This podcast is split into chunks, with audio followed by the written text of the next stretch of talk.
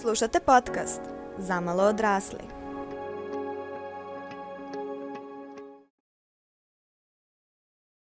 Zdravo svima i dobrodošli u novu epizodu podcasta Zamalo odrasli. Danas pričamo o tome um, kako to izgleda i šta raditi uh, kada ti neko kaže da to što ti možda želiš da postigneš, želiš da uradiš, želiš da imaš i ostvariš, je nešto što je nemoguće, nešto što je previše, nešto što je možda nedostižno ili nerealno ili tako nešto ne postoji i slično. A, zašto pričam o tome? Zato što vrlo često kada delimo naše a, ciljeve, naše želje i slično, a, kada pričamo s drugim ljudima, možda se desi da dobijemo upravo taj feedback. I to nije samo naravno i za želje i ciljeve te vrste, kao što ne znam, posao kakav želimo ili život kakav želimo da imamo, nego da to stvarno dolazi do nekog absurda da si u fazonu dobro, a kako je to ima veze s tobom i odakle tebi ideja? Um, pričam o ovome iz ugla toga da sam dosta puta u životu uh, čula to da imam visoke standarde i da moram da spustim standarde kako bih zapravo postigla to što želim. I, znaš, kada ti prvi put neko kaže da imaš visoke standarde, to onako uš uzmano, ne, ne, nije, ne, to je prosto samo znam šta želim, zar ne? I počeš od toga da ti znaš šta želiš, međutim, vremenom, ukoliko ne uspeš to da ostvariš neko duže vreme, što god tebi bilo duže vreme, počinješ prosto da sumnjaš. I evo, daću jedan, mislim, s druge strane, toliko absurdan primer, ali jeste nešto što se meni desilo u životu. Uh, tokom srednje škole, u trenutku kada ono većina ljudi nalazi možda i prve veze, ok, neki to nalazi pre srednje škole, ali jeste srednja škola možda naj aj kažemo, najčešće vrijeme u životu kada ljudi nalaze neke prve vezice, stupaju neke prve ovaj, um, međuljudske odno, romantične međuljudske odnose i slično. I onda, naravno, u srednjoj školi je, po nekom mom mišljenju, peer pressure i najveći, odnosno taj pritisak toga da svi moramo da volimo i radimo iste stvari. I da te prosto društvo pritiska da određene stvari koje tebi možda nisu primamljive, da ih uradiš. To naravno obično ljudi kad pričaju o tome pričaju o, ne znam, cigarama, alkoholu, drozi, drogi, drogi, ne znam nemam pojma. Uh, ili eventualno ulasko, uh, ulazak u seksualne odnose, ali ima mnogo i drugih stvari o kojima se možda i toliko i ne priča, koji takođe mogu da budu peer pressure od toga da neko možda misli da treba, ne znam, da ofarba kosu, iako možda objektivno lako sam ili sama to neće uraditi. Što okay, da, svakako jeste manje strašno od ovih drugih stvari, ali opet jeste neka ta presija da se na neki način uklopiš. I jedna od tih stvari je takođe da u srednjoj školi treba da nađeš partnera ili partnerku.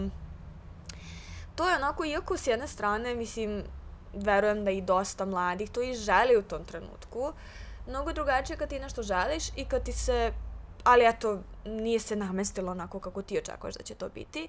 I s druge strane, kada te ljudi pritiskaju da to moraš da odradiš. I ako neko ovo sluša bude u fazonu ko još pritiska ljude da uđe u vezu, uh, hm, kao neko ko je to proživeo ovako dosta, da su ljudi od iz najboljih namera, da se razumemo, ništa to nije bilo zlonamerno niti išta, ali da sam stvarno u nekom trenutku dobila pritisak od toga što eto, svi nalaze partnera, ja nikako ne.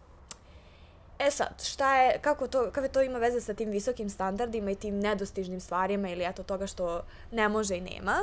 Nakon nekog vremena, pošto ljudima nije bilo eto jasno zašto i kako, jer ljudi koji me nisu dobro poznavali nisu mogli da pretpostave eto da ja nisam imala nikakvog iskustva uh, u tom polju, zato što su me prosto videli moje ponašanje, videli moje, ne znam, to kako sam se prezentovala ljudima i prosto im se nije uklapalo. Nisam bila neko ko je, ne znam, povučen, tih ili slično, pa da ljudima nekako bude logično. Mislim, da se razumemo, nije loše biti tih ili povučen, nego prosto nekako od tih stereotipa ko bi e, ko će lakše ili teže naći partnere, ja se nisam uklapala u situaciju u kojoj sam bila.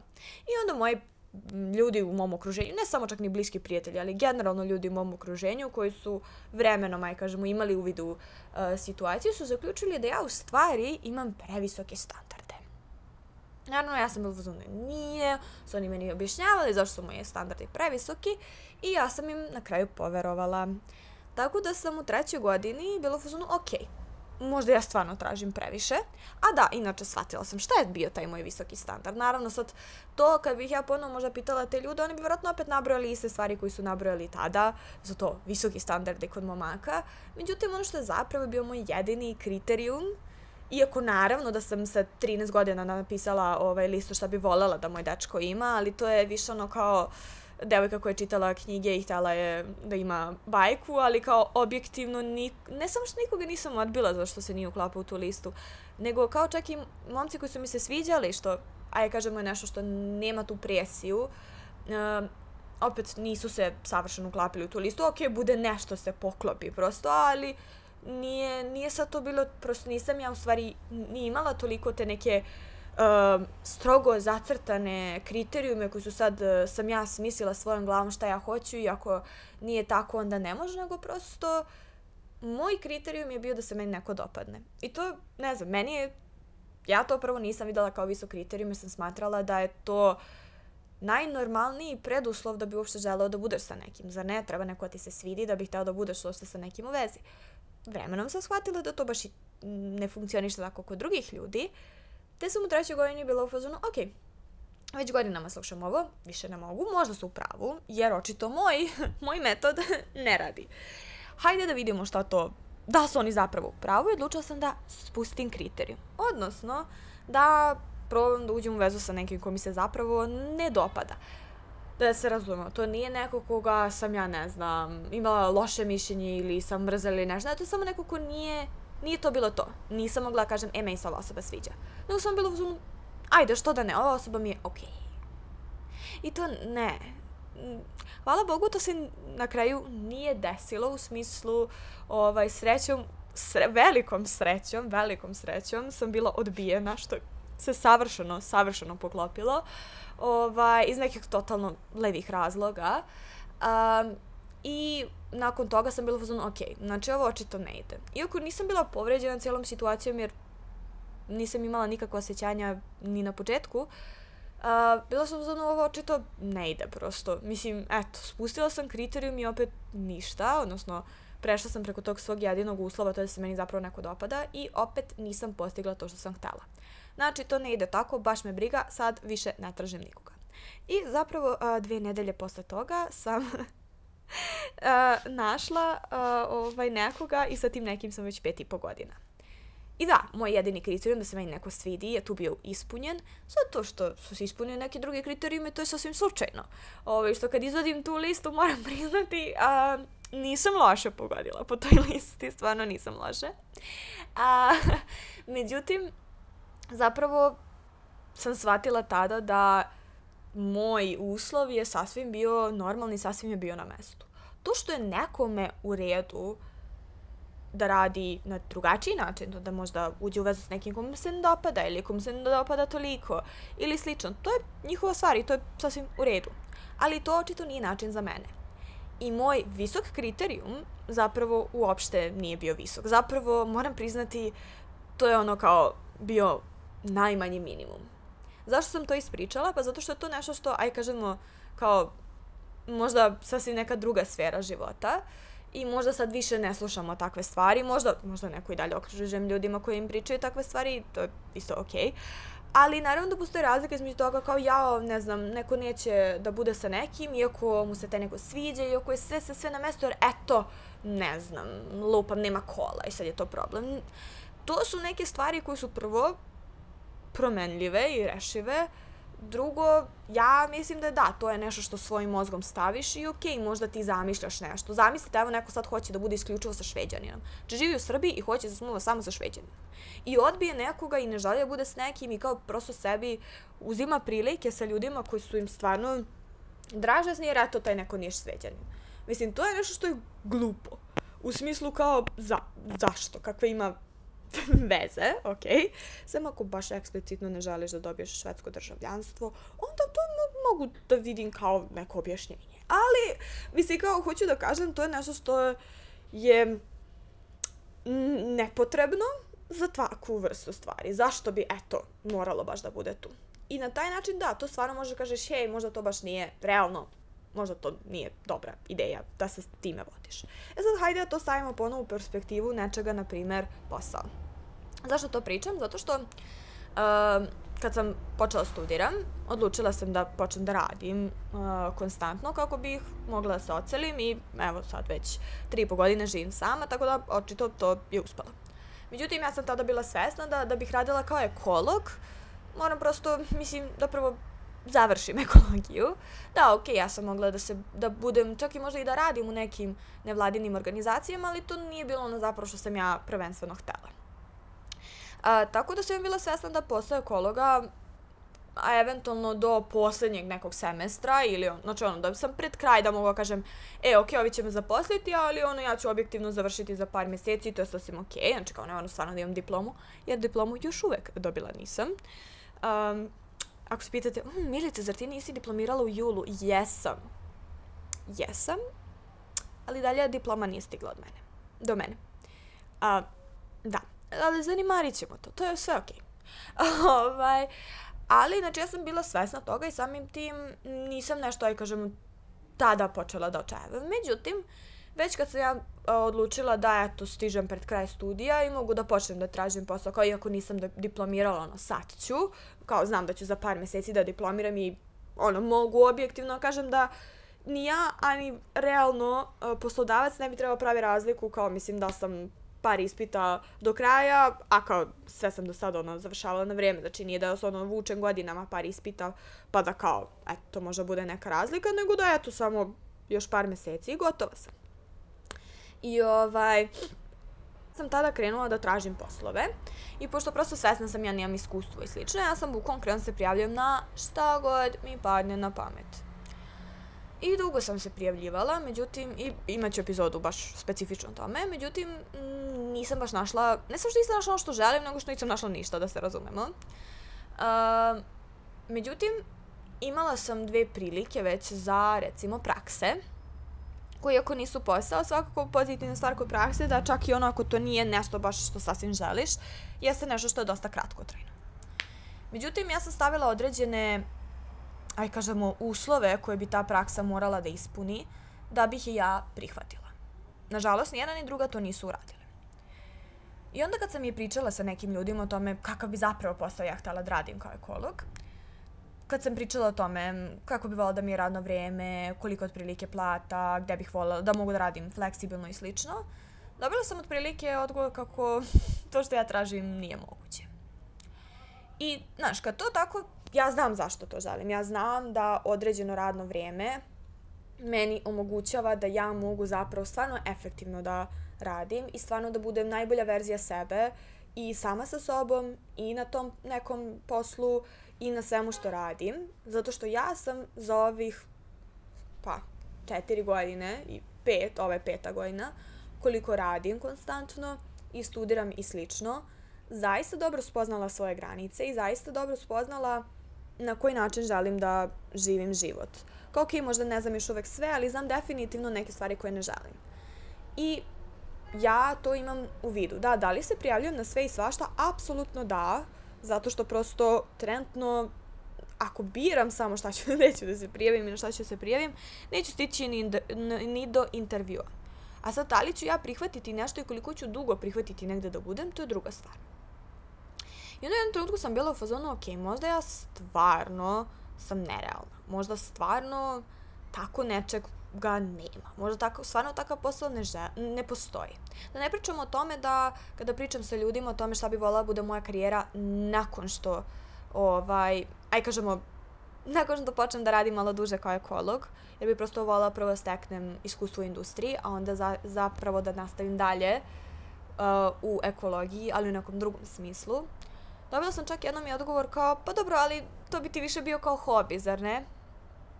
Da sam ja stala potpuno šlogirana kao, ne, okej, okay, kad ja pričam o svom podcastu, sasvim je okej okay da ljudi zaključe da mi je to hobi, jer mislim, da budemo iskreni, trenutno jeste, jer, kao što sam rekla, ovo nije ni na koji način finansirano, samim tim da, objektivno jeste hobi. Um, ali ja sam za taj svoj put karijere planirala to bude baš to, karijerni put. Iako pa ne, ne, baš sam mislila kao karijera, kao da mi to bude osnovni vid zarade. I faca koju sam dobila je bila otprilike kao, pa dobro, ali mislim, to jako teško da će moći. I sad, ok, jednom to čuješ i kažeš, bože, šta taj neko zna. Ali prvo, ili kada više puta čuješ, ili kada vidiš da prosto i ono što pokušavaš ti nikako ne ide, staneš i budeš u fazonu, hm, da li sam ja možda stvarno nerealna, da li možda treba da spustim kriterij. I to sam zapravo pomislila pre možda nedelju dana i bila u fazonu, hej, ali čekaj, ja sam već jednom prošla kroz ovaj misaoni tok. Ok, za neku totalno drugu stvar, ali već sam bila tu, već jednom su me ljudi ubedili da to što ja želim, što ja smatram da je sasvim minimum toga, što su neke, aj kažemo, osnovne stvari koje bi trebalo da postavim kao svoje granice, da je to sad nešto nerealno. I ispostavilo se da zapravo ne. Za mene je to bilo vrlo realno. I za mene druga opcija je bila baš loša. I onda sam stala i rekla, ok, ok, znaš i sama da tome treba vremena, ali znaš i sama sada iz iskustva da vrijedi. Apsolutno vrijedi da, da sačekaš, da malo duže čekaš. E sad, za razliku od, aj kažemo, partnerskih veza koji je bilo kao prvi primer, gde je sasvim ok bilo da ja ne budem ni sa kim dok, eto, ne nađem to što zapravo tražim, jer kao koliko god da je jako lepo imati partnera, sasvim je ok biti i sam. I ja uvek kažem da je bolje biti sam nego biti sa, njim, sa nekim, eto, samo da ne bi bio sam. Međutim, za posao situacija nije ista. Jer, ok, da sam ja imala izbor da, mislim, jesam imala izbor da ne radim. Ja sam objektivno možda i mogla da ne radim, da ne verujem da bi baš mogla cijele studije da prođem, a da, jel te, ni na koji način ne, ne zarađujem neki novac. Odnosno, vratno bi mogla, ali bi ne bi imala novca, pa ni za šta što ja želim. Nikakva putovanja, nikakvi izlasi, ništa, nego samo za, eto, osnovne stvari. Uh, ali svakako sam mogla da izaberem da radim manje, da živim i dalje sa majkom i da prosto ne moram da brinem koliko ću zaraditi. Jer, eto, uh, imala bi krov nad glavom, imala bi hranu i slično.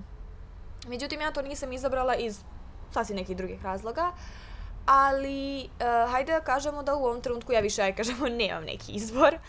Samim tim ja ne mogu da sedim kod kuće i da ne radim ništa, čekajući da mi sa neba padne taj baš posao koji ja želim. I pre što neko kaže, a pa li možeš da radiš na tom poslu? E, ne baš, zato što ono što ja trenutno želim da nađem jeste nešto gde mora neko da me zaposli, ne, ne mogu budem samo zaposlena, tako da trenutno, bar iz ove moje perspektive, to nije put.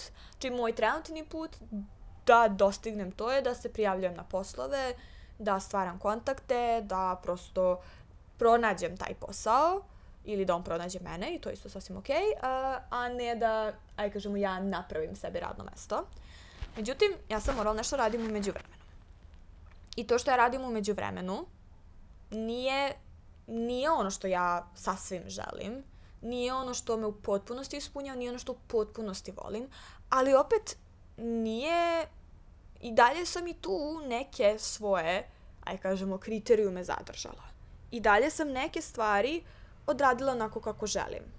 Da, to me košta nečega, recimo, uh, pošto uh, to zato što, aj kažemo, nemam ne znam nijakoliko dugo radno vreme, takođe znači da nemam ne znam nijakoliko novca. I okej, okay, to je trade-off koji ja moram da napravim.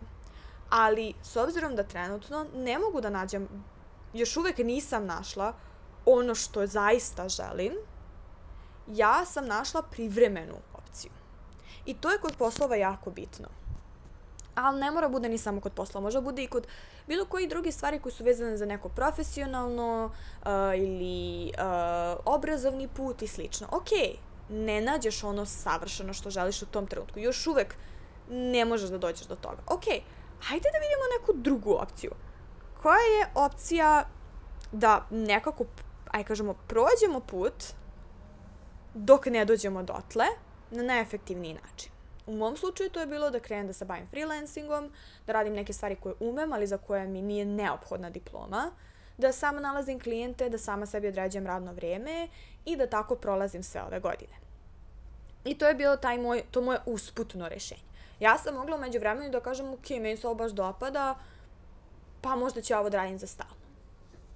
Ali ono što neću uraditi, to je neću naći posao ekologa koji je samo to. Posao ekologa, ali ne zadovoljava ništa drugo od mojih, uh, od mojih, aj kažemo, um, kriterijuma.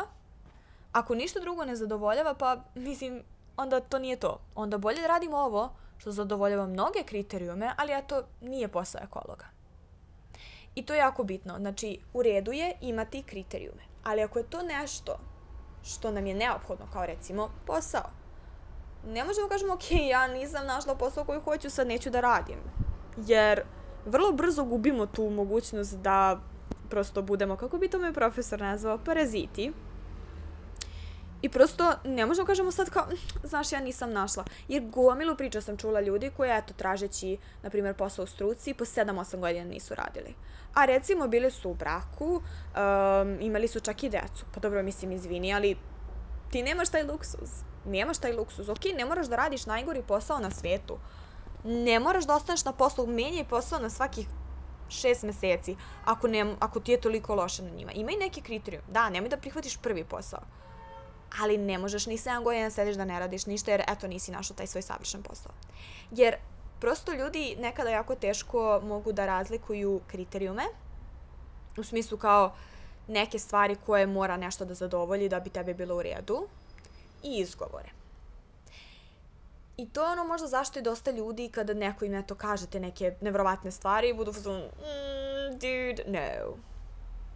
Jer prosto vide to više kao nešto što je toliko nedostižno da onda verovatno je samo izgovor, a ne zapravo realna želja.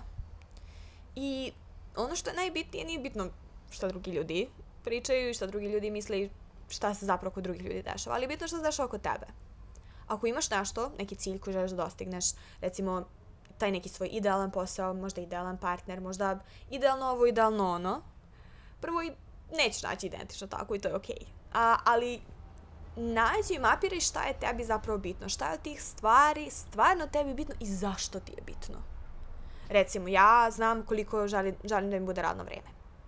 Ja znam zašto je to meni bitno. Meni je to bitno zato što ja već a, četiri godine, više od četiri godine, vodim vrlo preciznu i detaljnu statistiku toga koliko ja privređujem i koliko dugo, koliko ja radim dnevno, koliko ja radim mesečno, koliko ja radim nedeljno. Kao ja, ja imam te podatke.